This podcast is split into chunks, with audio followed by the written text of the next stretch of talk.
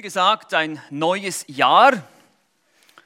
Und ihr wisst, wie das so ist bei den typischen Neujahrsfeiern oder Neujahrswünschen. Gibt es die Vorsätze fürs neue Jahr? Wer kennt sie nicht? Im nächsten Jahr möchte ich endlich mal ein bisschen abnehmen. Oder im nächsten Jahr möchte ich mal die gesamte Bibel von vorne bis hinten lesen. Und dann wisst ihr vielleicht auch, vielleicht kennt ihr diese Erfahrung auch, wie das dann so geht. Man beginnt dann Kalorien zu zählen, geht ins Fitnessstudio, macht ein bisschen Training.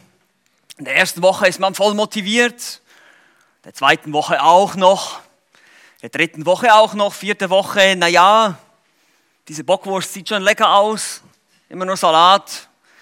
Und ja, in der 17. Woche seid ihr dreimal in der Pizzeria und habt das Fitnessstudio vergessen. Oder mit dem Bibellesen, genau dasselbe.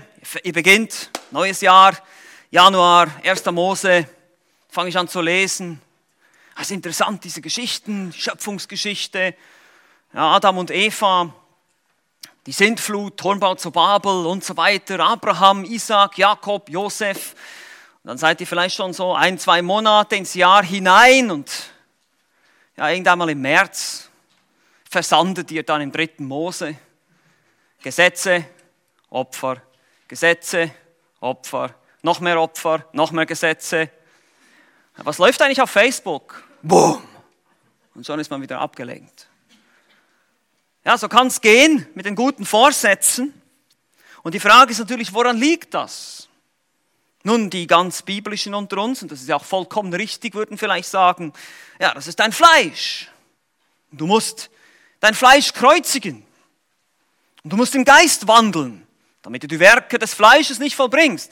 Ja, okay, gut. Aber was bedeutet das eigentlich ganz genau? Nun lasst uns mal nochmal zum Anfang zurückkommen zu den Vorsätzen, denn manchmal haben die Vorsätze auch mit den Wünschen irgendwas zu tun. Manchmal nehmen wir uns Dinge vor und haben vielleicht so ein bisschen die falschen Wünsche. Wir wünschen uns bestimmte Dinge fürs neue Jahr Weiß nicht, was du dir wünschst.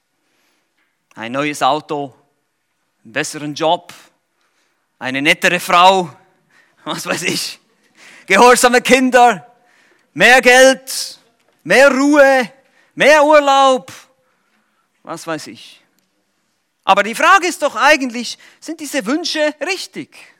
Oder für uns Christen müssen wir uns natürlich die Frage stellen, entsprechen diese Wünsche den Wünschen Gottes? Das ist die Frage. Was ist Gottes Wunsch fürs neue Jahr? Was hat er für Vorsätze für dich? Nun, es gibt eine Sache, die sich unser Herr ganz besonders wünscht. Und wir finden diese Sache in 1. Thessalonischer Kapitel 4. Ihr habt diesen Vers auch auf dem Gemeindeblatt. Das ist im Prinzip unser Predigtext für heute. Das ist nur der erste Teil dieses Verses. Und der ist schon herausfordernd genug. Das heißt hier in 1. Thessalonischer Kapitel 4, Vers 3, denn dies ist Gottes Wille. Doppelpunkt. Ist doch schön, wenn Gott uns so klar und so deutlich seinen Willen kundtut. Denn dies ist Gottes Wille. Eure Heiligkeit oder Heiligung, je nach Übersetzung, geheiligt sein, ist auch noch eine Möglichkeit, das zu übersetzen. Das ist Gottes Wille. Nun, das ist nichts Neues. Gottes Wunsch und sein Ziel mit dir war es sogar schon vor Grundlegung dieser Welt, dass du heilig lebst. In Epheser 1, Vers 4 heißt es, wie er uns in ihm auserwählt hat, in Christus vor Grundlegung der Welt, Wozu hat er uns gerettet? Wozu hat er uns vergeben? Wozu hat er uns begnadigt? Damit wir heilig und tadellos vor ihm sein in Liebe. Epheser 1, 4. Aber die Frage ist immer noch, wie machen wir das ganz praktisch? Wie schaffen wir es nicht immer und immer wieder auf die Nase zu fallen? Und das werden wir natürlich auch. Ich will jetzt hier nicht den, die Perfektion lernen heute Abend oder heute Nachmittag. Ha, ich habe es geschafft nicht gesagt heute Morgen. Gibt es ein Geheimnis? Gibt es einen Trick? Gibt es nicht. Es gibt aber Hoffnung und es gibt Gnade Gottes. Es gibt Hoffnung.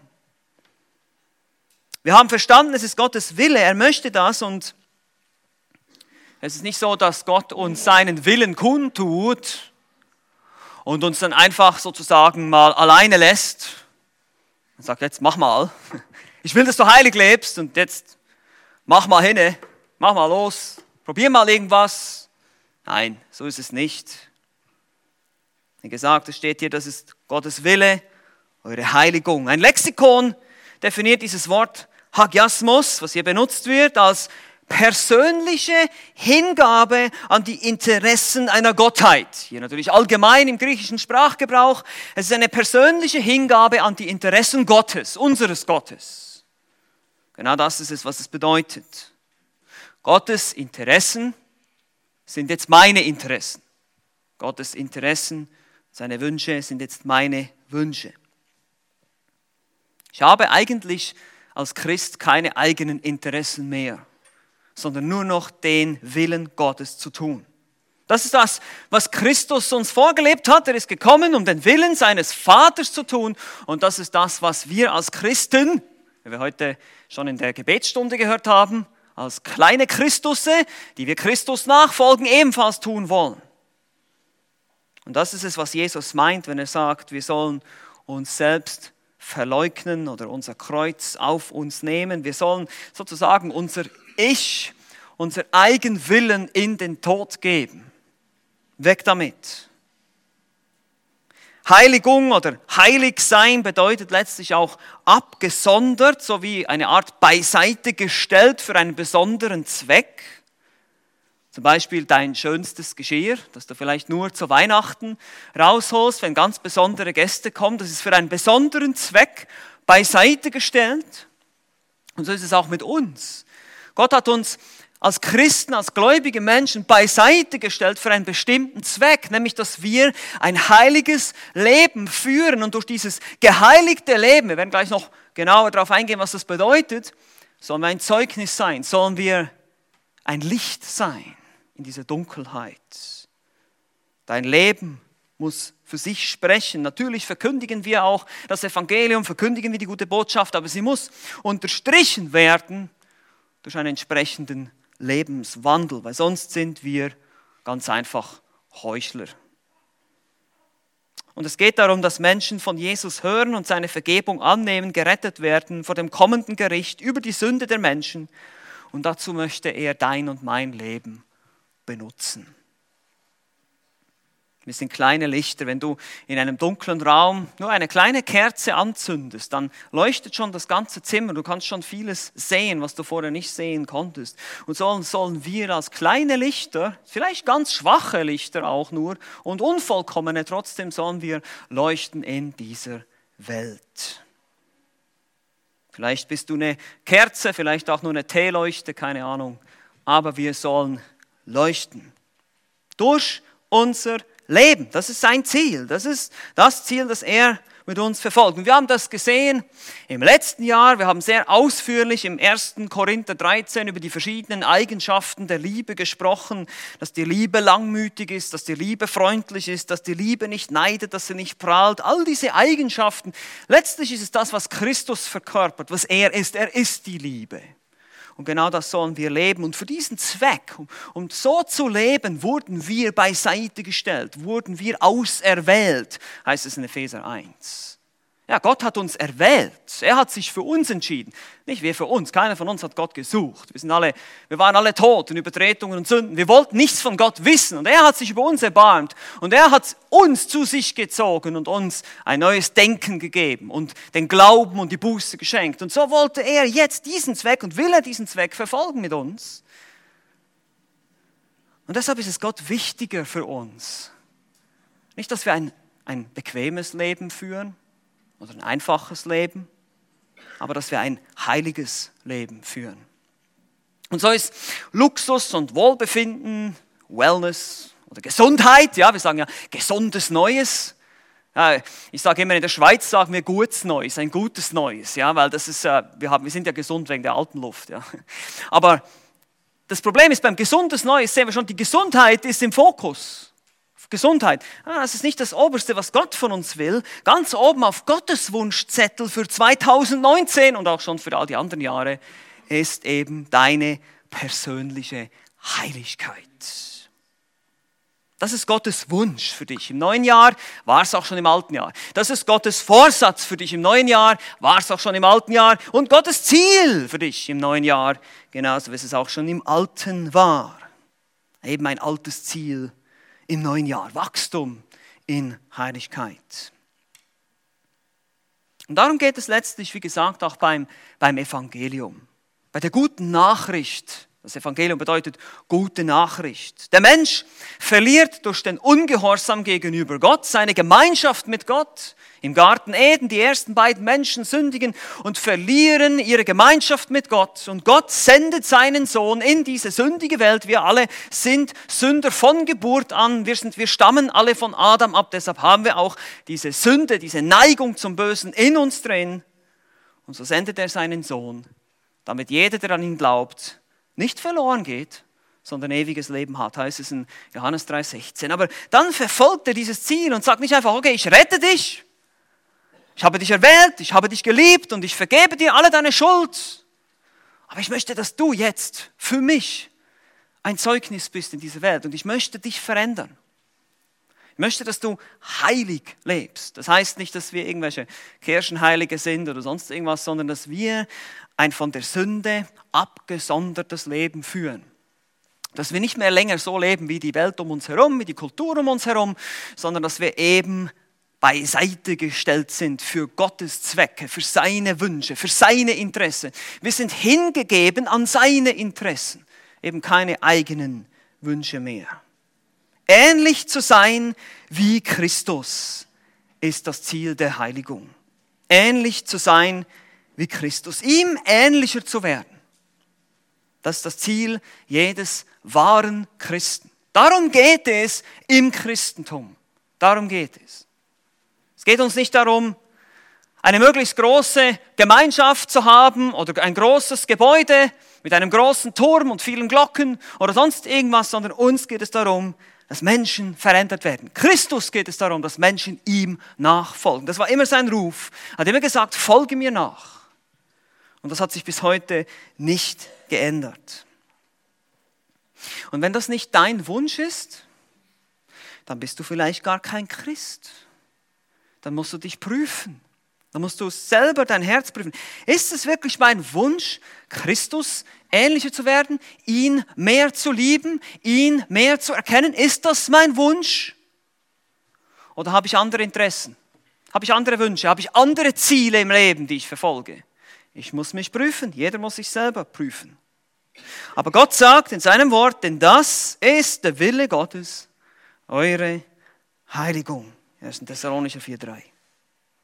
Das ist also Gottes ausgesprochenes Ziel, sein Wunsch, sein Wille, dass du und ich, dass wir in der Heiligung leben und wachsen darin. Und deshalb muss ich hier noch ganz, ganz wichtige, eine ganz wichtige Sache klären. Heiligung ist nicht zu verwechseln mit der Errettung. Ja, die Errettung ist eine einmalige Sache.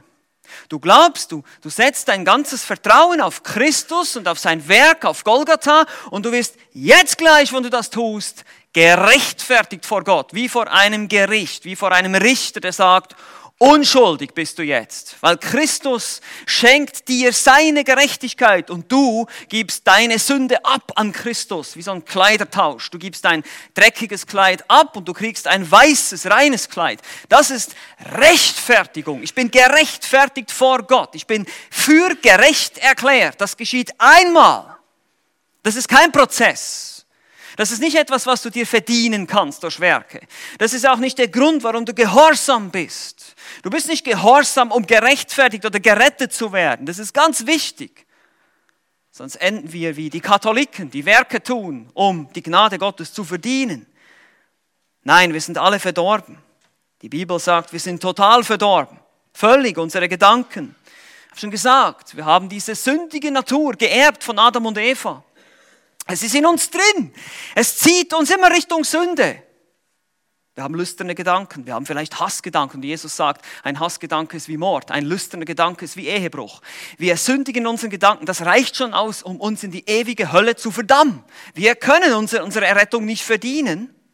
Die Sünde ist wie ein Geschwür, wie ein Krebs, wie eine Krankheit in dir drin, in mir drin, die wir geerbt haben von unseren Eltern, von unseren Großeltern und das geht alles zurück bis auf Adam. Wir haben keine Chance. Durch unsere Werke können wir nichts erreichen.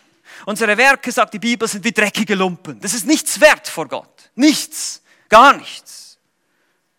Und so kommt Christus in diese Welt, so tut Gott diese Arbeit für uns. Er sendet seinen Sohn. Er initiiert diese Beziehung. Er schafft die Gemeinschaft. Er ruft uns zurück in die Gemeinschaft.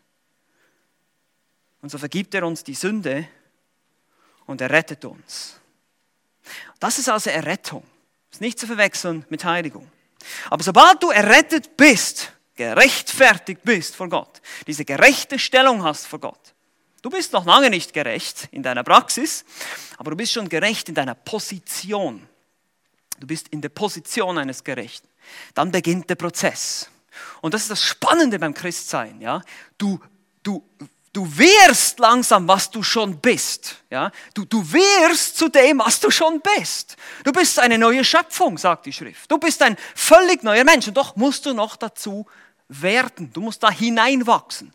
Wie wenn du zum Beispiel so eine große Rüstung kriegst, die viel zu groß ist und du musst da reinwachsen. Ja? So muss man sich das vorstellen. Und das ist Heiligung. Das ist der Prozess. Und das ist ein lebenslanger Prozess. Der hört gar nicht auf. Doch, er hört dann auf, wenn wir beim Herrn sind. Ja, dann machen wir einen riesigen Sprung noch nach vorne, ja, in die Perfektion. Aber vorher wird das, wird das nicht aufhören. Du wirst weiter in diesem Prozess stehen, der Heiligung. Und durch die Überführung, die durch den Geist Gottes kommt, Christus schenkt uns seinen Geist. Wenn du an ihn glaubst, wirst du wiedergeboren. Die Bibel beschreibt das mit einer Geburt und sagt, du wirst wiedergeboren, du bekommst ein neues Leben und einen neuen Geist, den Heiligen Geist, der in dir ist, und der beginnt sein Werk der Veränderung. Er möchte dich jetzt immer mehr umgestalten in das Bild Christi. Das ist Heiligung. Aber, hier kommt jetzt das Aber, in diesem Prozess. Wie gesagt, bei der Rettung, wenn es um die Rettung geht vor der ewigen Strafe, da kannst du nichts tun. Das ist alles, das ist allein Gottes Werk. Bei der Heiligung, das ist ein Prozess. Und den tut auch Gott, aber Paulus sagt in Galater 2,20, nun lebe ich, aber Christus lebt in mir. Also es ist irgendwie so ein Spannungsfeld, so ein bisschen beides. Christus lebt in mir, ja, er bewirkt meine Heiligung, aber das heißt nicht, dass ich einfach hier jetzt nur rumsitze und warte und sage, okay, Herr, verändere mich, bitte, Herr, verändere mich. Warum passiert jetzt nichts? Äh, so einfach ist das nicht. Wir können diesen Prozess entweder begünstigen oder behindern.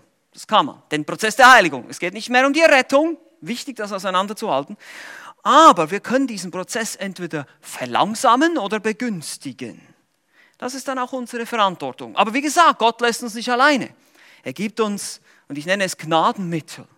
Er lässt uns nicht alleine, sagt, oh, mach mal, sondern er gibt uns seinen Geist, er gibt uns sein Wort, er gibt uns die Möglichkeit zu beten. Und darüber möchte ich sprechen heute. Wie sieht das ganz praktisch aus? Wie können wir das umsetzen? Worauf müssen wir achten? Dass ich sozusagen nicht äh, mich hier jetzt heute am Sonntag entscheide und sage, ja, jetzt muss wirklich was passieren in meinem Leben und ihr wisst, wie das ist, dann läuft ihr da hinten zur Glastür raus und dann, ups, schon wieder vergessen. So schnell kann es gehen.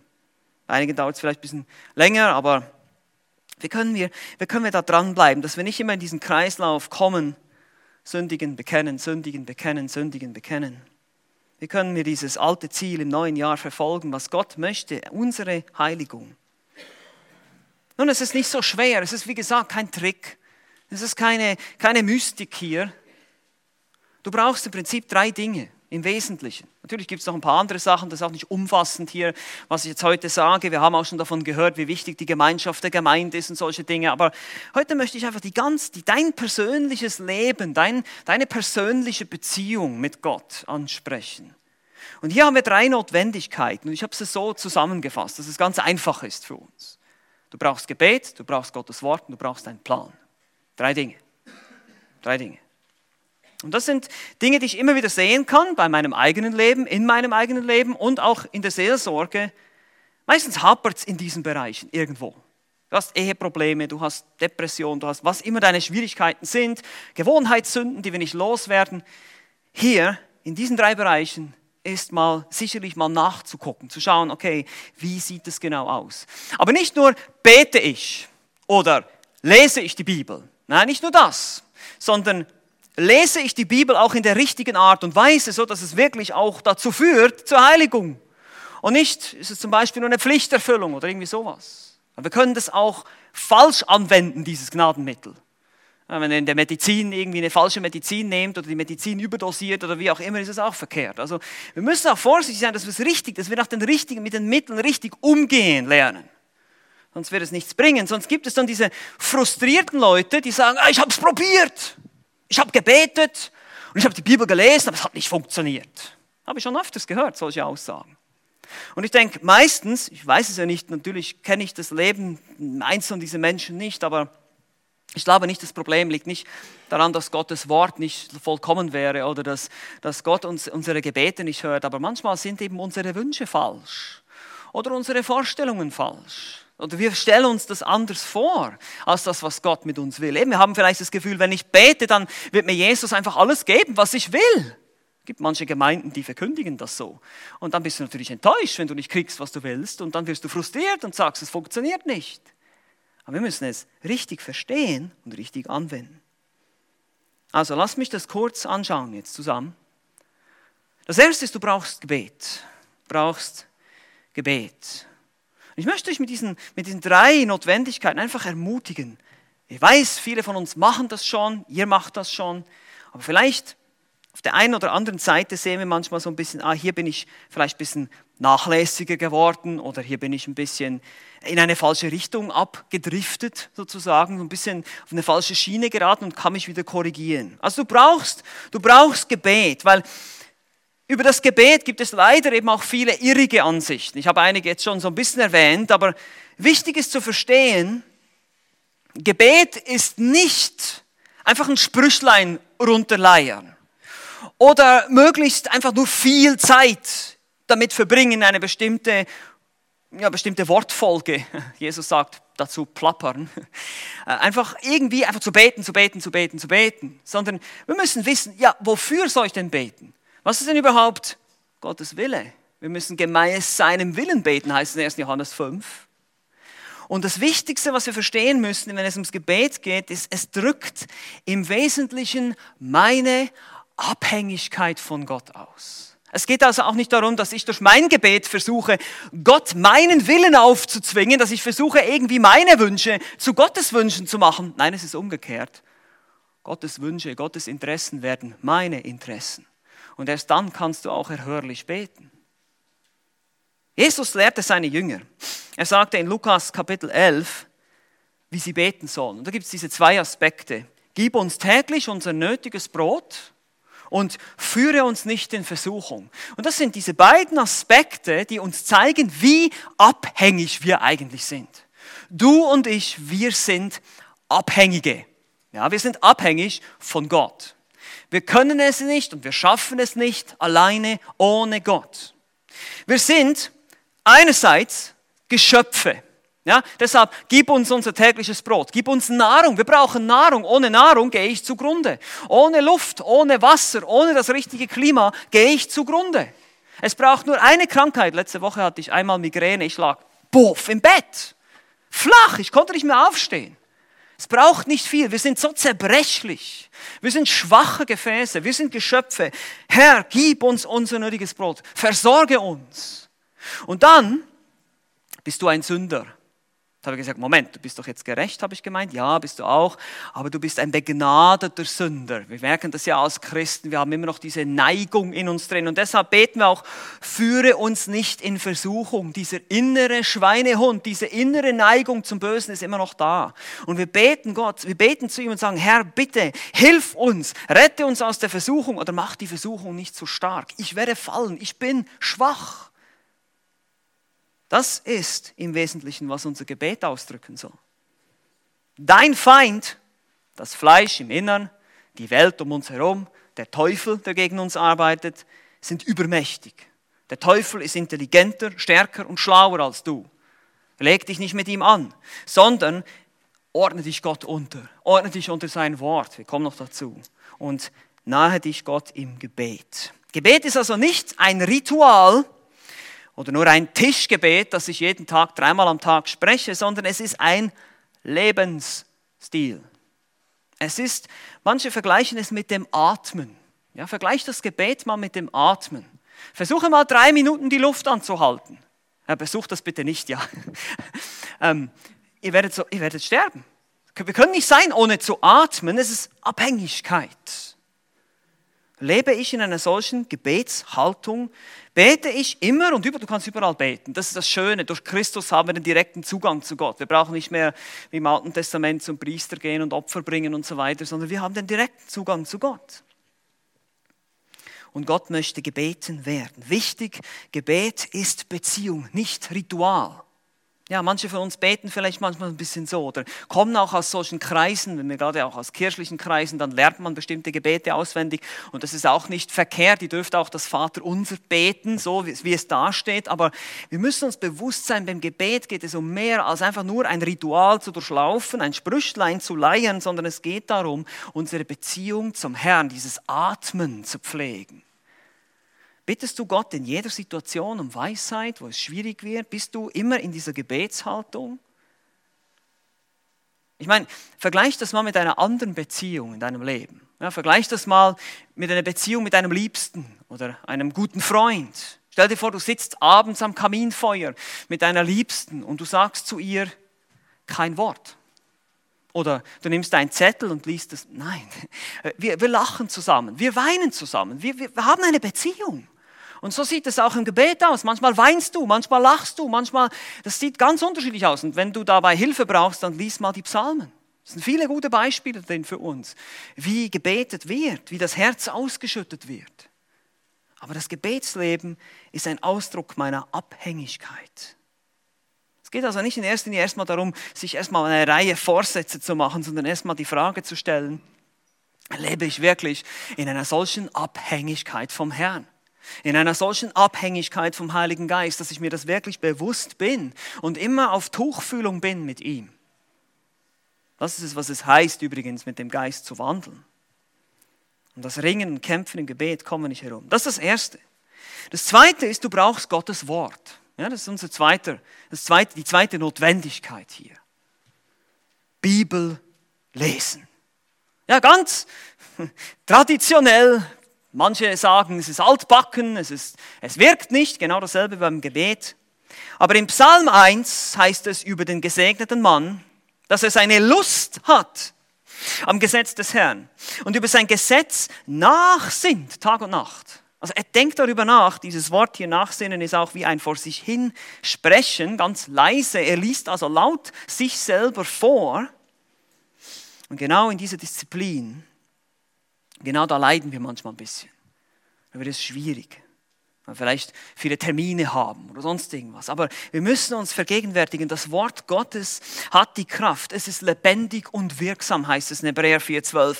Es zerschlägt Felsen, es verändert, es bewirkt deine Errettung, es bewirkt deine Wiedergeburt, es, es ist unsere Nahrung, es ist unser Schatz, es ist unser Leitfaden. All diese Ausdrücke werden benutzt. Und die Frage ist, glaube ich das? Glaube ich das? Glaube ich, dass dieses Buch wirklich die Kraft hat, mich zu verändern? Glauben heißt Vertrauen. Mit anderen Worten, vertraue ich darauf, dass wenn ich dieses Buch lese, ah, Moment, du liest dieses Buch und du denkst, es verändert dich? Ja, genau. Genau das glaube ich. Glaube ich das? Und wenn du es glaubst, liest du es dann auch. Ich meine, das sind ganz einfache Dinge, das ist ganz praktisch, aber manchmal finden wir uns wieder im Alltag und sagen, ja, stimmt eigentlich. Habe ich einen Hunger danach? Sehne ich mich danach wieder das Wort Gottes zu lesen, mich wieder daran zu erinnern und mich an diesen Wahrheiten zu erfreuen? Habe ich Lust danach, wie Psalm 1, der gesegnete Mann? Und auch hier, ganz wichtig, kein Ritual. Es geht nicht nur darum, dass ich meinen berühmten Haken mache im Bibelleseplan. Es ist okay, wenn du einen Bibelleseplan hast, ich, wir ermutigen sogar dazu. Aber manchmal kann das auch dann dazu führen, dass ich einfach nur meinen Haken mache. Ja, ah, heute habe ich wieder meine Bibel gelesen, da bin ich auch stolz drauf. Ha, ich bin ein guter Christ, habe die Bibel gelesen. Ja, aber auch hier, wir lesen die Bibel auch, wegen der Beziehung zu unserem Herrn. Nicht einfach, weil wir äh, vielleicht sogar einfach mehr theologisches Wissen oder was weiß ich uns anhäufen wollen, sondern weil wir, weil wir diesen Gott, der da drin spricht, kennenlernen wollen und lieben wollen. Das, ist das mein Ziel? Wenn ich die Bibel aufschlage, wenn ich dieses Buch aufschlage, bin ich mir bewusst, hier spricht der lebendige Gott zu mir persönlich. Das ist sein Liebesbrief an dich. Bin ich mir das bewusst, dass ich hier die Worte des lebendigen Gottes finde? Verstehe ich das? Glaube ich das? Oder ist das nur etwas, was ich einfach so übernommen habe von anderen und das gar nicht so selber meine Überzeugung ist? Wir lesen die Bibel, weil Christus sich in der Schrift offenbart. Weil Gott sich in der Schrift offenbart. Er zeigt seine Eigenschaften. Durch alle diese verschiedenen Geschichten und Gedichte und was es alles gibt in der Bibel. Und das finde ich sehr spannend, wenn man sich das mal überlegt. Gott hätte ja einfach sagen können, nun, ich gebe euch einfach ein Paragraphenbuch. Paragraph 1, ich bin der Schöpfer. Paragraph 2, du bist ein Sünder. Paragraph 3, hier ist mein Sohn, der ist der Retter das wäre wie so ein Vakuum gewesen, wenn Christus einfach so gekommen wäre, ohne das gesamte Alte Testament davor. Das wäre so wie so ein, das hätte überhaupt keinen Sinn ergeben. Nein, so hat uns Gott eine, eine voranschreitende Offenbarung, die beginnt in 1. Mose. Am Anfang schuf Gott. Und dann zeigt er langsam in Schritten, weil wir so schwer vom Begriff sind, ja, zeigt er uns langsam in Schritten, wer er ist und was er für Vorstellungen hat und welche Interessen eben auch meine Interessen sein sollten als Kind Gottes. Und so pflege ich zu sagen, hat die Bibel für jeden von uns etwas für die Poesie, die Poesie für die Kunstliebhaber, die Philosophie im Buch Prediger, für die Grübler unter uns, die Gesetzestexte für solche, die das mögen, apokalyptische Literatur, Epistel, Gedichte, Lieder, alle. Klar, sollte alles gelesen werden, aber ich sage nur, Gott hat sich auf ganz unterschiedliche Art und Weise gezeigt und geoffenbart. Es geht um Beziehung, nicht um Ritual. Es geht nicht einfach darum, dass ich irgendwas, irgendwas mir einfach auswendig lerne und dann einfach wiedergeben kann, so mechanisch, pflichtbewusst. Und so kann es auch sein, dass, dass die Beziehung zu Gott unterschiedlich aussieht bei dir. Dass einige, einige studieren die Bibel ganz intensiv und gehen ins Griechische, aber das macht nicht jeder von uns. Vielleicht bist du eher der einfache Typ, der praktische Typ, dann gebe ich dir eine Ermutigung. Lies es einfach. Lies es so oft, wie du kannst. Die einen lernen vielleicht mehr auswendig, die anderen können das vielleicht weniger, aber tue, was immer du kannst, um dieses Buch in deinen Kopf zu kriegen. Oder um noch besseres auszudrücken, um den Einfluss von diesem Buch in dein Leben zu kriegen. Das ist das Ziel. Wie du das genau machst, das kann sogar sehr unterschiedlich aussehen. So ist auch bei den Beziehungen. Nicht jede Beziehung ist gleich. Aber wir müssen das als Beziehung verstehen. Nicht einfach nur als bloße Paragraphen, die wir lernen, Verhaltensregeln und so macht man das als guter Christ und voilà und so ist das. Nein, Gott möchte mit uns eine Beziehung haben. Er liebt uns. Das ist nicht einfach nur so, äh, das ist ja mit meiner Frau spreche ich auch nicht so, mit meinen Kindern. Ja, erst Paragraphen. Gut, manchmal muss man, ja. Aber äh, nicht immer. Das wäre schrecklich, da wäre gar keine Beziehung. Wir lachen einfach mal ein bisschen zusammen, wir haben einfach Zeit miteinander. Und so wünscht sich Gott, wünscht sich der Geist Gottes auch mit uns die Zeit, die wir im Wort verbringen, damit er uns beeinflussen kann, damit er unser Denken erneuern kann. Und jedes Mal, wenn du dieses, dieses Buch aufschlägst und, und darin liest und darin auch nachdenkst und vielleicht ist es nur ein Vers, über den du einfach intensiv nachdenkst, das wie gesagt, das ist ganz unterschiedlich, aber es, es, es wird dein Denken verändern. Und nur dieses veränderte Denken führt zu einem veränderten Handeln. Der Geist Gottes benutzt sein Wort und auch dein Gebet, um dich zu verändern. Ich vergleiche das manchmal mit jemandem, der im Sommer braun werden möchte, aber nicht an die Sonne geht. Nun, je nach Hauttyp geht das vielleicht nicht, aber das, der, da hinkt der Vergleich ein bisschen, aber er setzt sich einfach nicht der Sonne aus. Du kannst dich auf verschiedene Arten der Sonne aussetzen, du kannst sogar im Meerwasser, im Wasser selber kannst du braun werden, aber du musst dich der Sonne aussetzen. Und genauso ist es hier, um dass die Bibel auf mich abfärbt, muss ich mich ihr aussetzen, muss diese Gedanken irgendwie in meinen Kopf kriegen. Und so ist es auch mit der Schrift. Sie muss dein Denken beeinflussen. Es geht um eine, eine, eine Weltsicht, ein Weltbild, was uns hier vermittelt wird. Nicht einfach nur eine, ein Ticket oder ein, ein, eine, ein, ein Anhängsel für mich, das so nett ist, eine Religion, die steht mir gut. Nein, das ist eine völlige Veränderung deines Denkens, eine völlig andere Sicht. Du musst die ganze Welt durch die Sicht, durch die Brille der Bibel betrachten. Erst dann siehst du die Wahrheit. Und so lesen wir die Bibel betend. Es ist eine Zeit der Gemeinschaft mit dem Schöpfer, dem wunderbarsten Wesen, das es gibt. Je mehr ihr die Bibel lest, desto mehr werdet ihr merken, wow, Gott ist das Wunderbarste und das Begehrenswerteste, was es gibt in dieser Welt. Und die Welt und ihre Vergnügungen wird immer mehr verblassen dagegen. Aber das können wir nicht erreichen, indem du nur einmal, zweimal so ein bisschen reinguckst, sondern das ist halt auch eine Zeit, die man sich nehmen muss. Und deshalb brauchst du nicht nur Gebet um Gottes Wort, sondern du brauchst eben auch noch einen Plan. Du brauchst eine Strategie. Ja, ich meine, kein vernünftiger Mensch plant ein Haus zu bauen und überschlägt nicht vorher die Kosten. Christus benutzt genau dieses Beispiel, wenn es um die Nachfolge geht. Das ist Punkt 3 übrigens. Du brauchst einen Plan. Lukas 14 heißt es, denn wer von euch, wer einen Turm bauen will, setzt sich nicht zuvor hin und berechnet die Kosten. Ob er die Mittel hat zur gänzlichen Ausführung, damit nicht etwa, wenn er den Grund gelegt hat und es nicht vollenden kann, alle, die es sehen, über ihn spotten werden.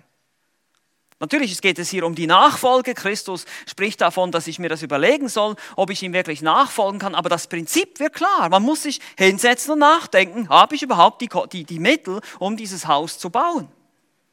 Oder welcher König fährt er fort in Vers 31, der ausziehen will, um mit einem anderen König Krieg zu führen, setzt sich nicht zuvor hin und berät, ob er imstande ist, mit 10.000 dem zu begegnen, der ihm mit 20.000 entgegenrückt. Hm, wahrscheinlich keine gute Idee. Also ich muss mir überlegen, okay, habe ich einen Plan, habe ich eine Strategie? Es ist biblisch zu planen, es ist biblisch, sich Gedanken zu machen, Strategien zu haben. Nun, die wichtige Strategie haben wir schon gesehen, Gebet und Gottes Wort. Aber wie, wie, wie? Der weise Mensch denkt voraus. Sprüche 22, Vers 3.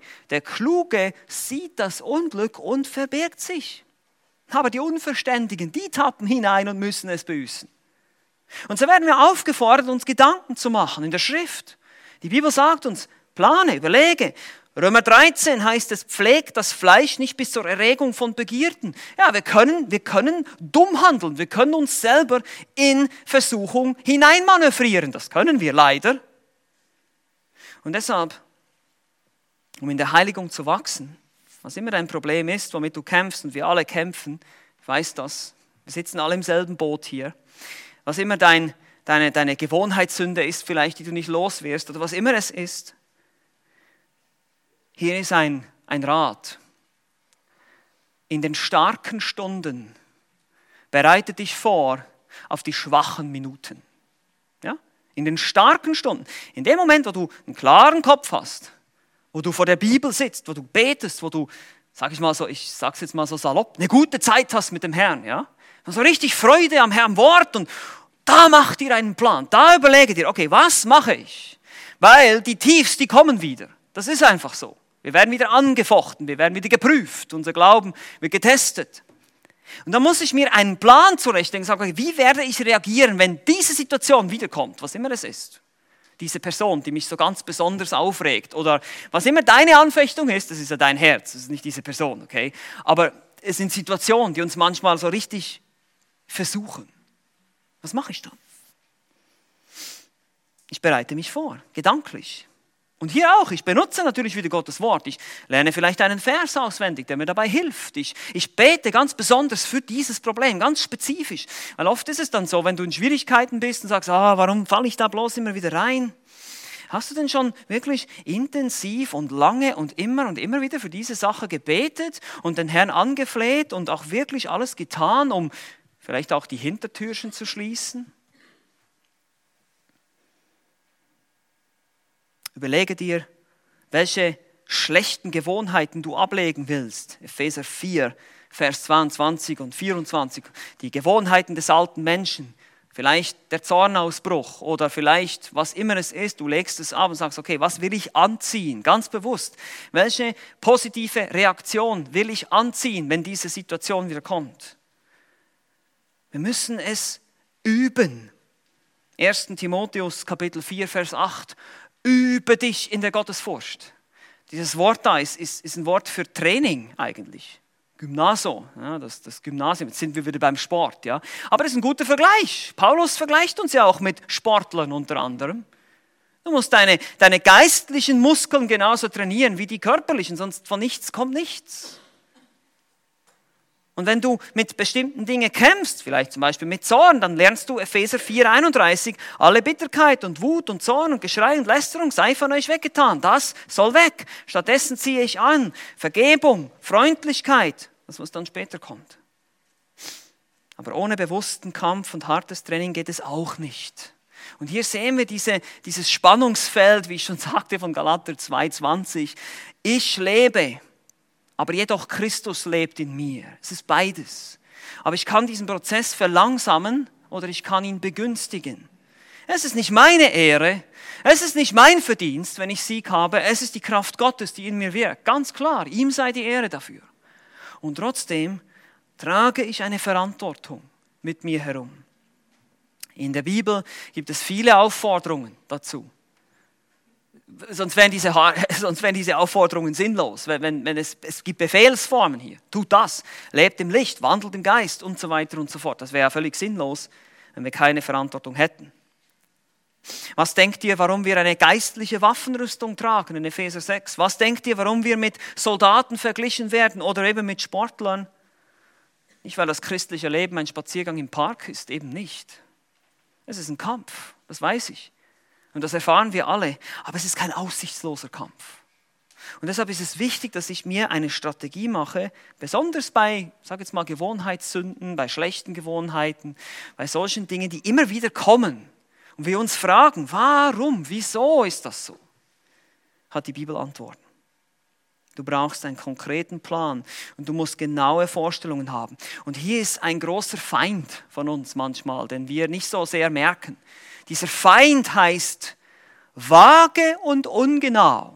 Das ist dein Feind. Vage und ungenau. Naja, ich, ich höre jetzt einfach auf, zornig zu sein. Oder ich werde jetzt einfach keine Pornografie mehr schauen. Das ist viel zu vage. Das, das wirst du niemals durchziehen, sowas. Niemals. Du brauchst genaue Vorstellungen. Du musst dir den Zugang versperren. Du musst vielleicht jemanden einweihen. Alles nur Mögliche tun. Hintertüren schließen. Hacke die Hand ab. Reiße das Auge aus. Matthäus 18 heißt es da. Du musst die Brücken abbrennen. Das ist wie der Alkoholiker, der sagt, ich will jetzt nicht mehr trinken, aber er lässt die ganzen Schnapsflaschen zu Hause stehen. der wird bald wieder zur Flasche greifen. Du musst dir das alles wegschmeißen. Sonst geht das nicht. Eine Frau, die mit Depressionen kämpft, die immer wieder über negative Dinge nachdenkt und sich ständig die schlimmen Nachrichten reinzieht über alle möglichen Katastrophen in der Welt. Ja, kein Wunder. Du musst dein Denken erneuern. Du musst über Dinge nachdenken, die gut sind, über das Wort, über die Wahrheit. Und so ist es auch in unserem geistlichen Leben mit anderen Dingen, anderen Sünden und Versuchungen. Die Frage ist auch hier, habe ich eine Strategie, habe ich einen Plan? Nun, äh, du kannst dir hier auch Hilfe holen. Ich meine, es gibt auch wir, machen auch, wir bieten auch Seelsorge an der Gemeinde. Du kannst einen Pastor fragen, du kannst Geschwister fragen. So ist es ja nicht. Die Gemeinde kommt ja auch dazu. Aber wichtig ist, dass ich mir überlege, habe ich überhaupt einen Plan? Wie ich dagegen vorgehe, welche Dinge ich ablegen, bin ich mir bewusst, was die Bibel sagt über diese verschiedenen Themen, was in mir selber abgeht, warum ich denn eigentlich versucht werde, welche falschen Wünsche ich denn habe, welche falschen Vorstellungen mich denn immer wieder da hineinziehen in die Sünde. Weiß ich das und weiß ich auch, was ich dagegen tun kann. Wenn das nicht der Fall ist, dann frage auch jemanden um Hilfe. Das ist auch keine Schande. Aber das ist der Wunsch. Das ist der Wille Gottes. Deine Heiligung. Ich möchte uns hier einfach anfangs dieses Jahres ermutigen. Diese, über diese, mit diesen drei Dingen. Natürlich, wie gesagt, es gibt noch mehr, eben die Gemeinschaft in der Gemeinde und, und vieles mehr, aber diese drei essentiellen Dinge, wir müssen uns manchmal wieder so richtig ähm, von allen möglichen christlichen Ballast befreien, wieder mal so richtig zurückkommen zu den wirklich wichtigen, essentiellen Dingen. Das Gebet, das Wort Gottes und eben auch eine Strategie, dass ich überlege, wie sieht mein Leben aus? Warum falle ich immer wieder in bestimmte Gewohnheiten? Was gibt es da für Dinge, die ich mir vielleicht selber aufgebaut habe oder wo ich mich selber immer wieder regelmäßig reinmanövriere, die, eigentlich, die ich eigentlich verhindern könnte? Und deshalb möchte ich uns einfach ermutigen, in diesen Bereichen zu wachsen. Bete so viel, so oft du kannst. Sprich mit deinem Herrn, wie gesagt, Beziehung, nicht Ritual. Es geht nicht darum, dass ich einen Haken mache, oh, heute habe ich 30 Minuten gebetet. Nein, es geht nicht um Leistung hier. Sondern ich möchte Gemeinschaft. Ich komme zum Herrn und sage, Herr, ich bin so abhängig, ich brauche dich, ich schaffe das nicht alleine. Ich kriege das nicht hin. Genauso mit Gottes Wort. Ich lese Gottes Wort, damit es in erster Linie mein Denken prägt. Äh, für mich zum Beispiel als Prediger ist manchmal die Versuchung, dass ich die Bibel lese, nur um die nächste Predigt vorzubereiten. Nee, ich möchte die Bibel auch lesen, um Gott zu kennen. Nicht einfach nur um die nächste Predigt, dann sehe ich schon wieder, ah, da wäre doch die Gliederung toll und so weiter. Ja. Oh, Moment, ich möchte Gott kennen. Ja. Und vielleicht hast du andere Ablenkungen auch bei der Bibellese. Aber wir müssen uns bewusst sein, wir lesen das Wort, um Gott zu kennen. Nicht in erster Linie, um technisch versiert zu sein und auf alle möglichen Fragen Antworten zu haben, möglichst viele Verse zitieren zu können. Das ist alles schön, alles hilfreich, aber es geht darum, dass ich meine Beziehung zum Herrn pflege. Und deshalb muss ich mir das planen. Vielleicht sogar überhaupt einfach die Zeit, wo ich stille Zeit mache. Ich, ich weiß, im nächsten Jahr möchte ich gerne mehr stille Zeit machen. Okay, wann? Wann machst du deine stille Zeit? Um welche Zeit wirst du dich hinsetzen und die Bibel lesen? Von 7 Uhr bis 7.30 Uhr jeden Tag. So konkret muss das sein, sonst wird das sich wieder auflösen. Ich muss einen Plan haben. Und dann setze ich mich dem Wort aus, dann nehme ich mir die Zeit. Seht ihr, ich diszipliniere mich so, dass ich diesem Wort ausgesetzt werde und im Gebet den Herrn suchen kann. Und so kommt Veränderung ins Leben. Und wir dürfen, wir dürfen getrost sein. Jesus hat gesiegt. Jesus hat die Macht der Sünde über uns gebrochen. Es ist möglich. Es gibt Hoffnung für dich und mich. Es ist nicht unmöglich. Wir kämpfen vom Sieg her kommend. Aber wir müssen kämpfen und wir müssen die Mittel einsetzen, die Gott uns gegeben hat. Amen.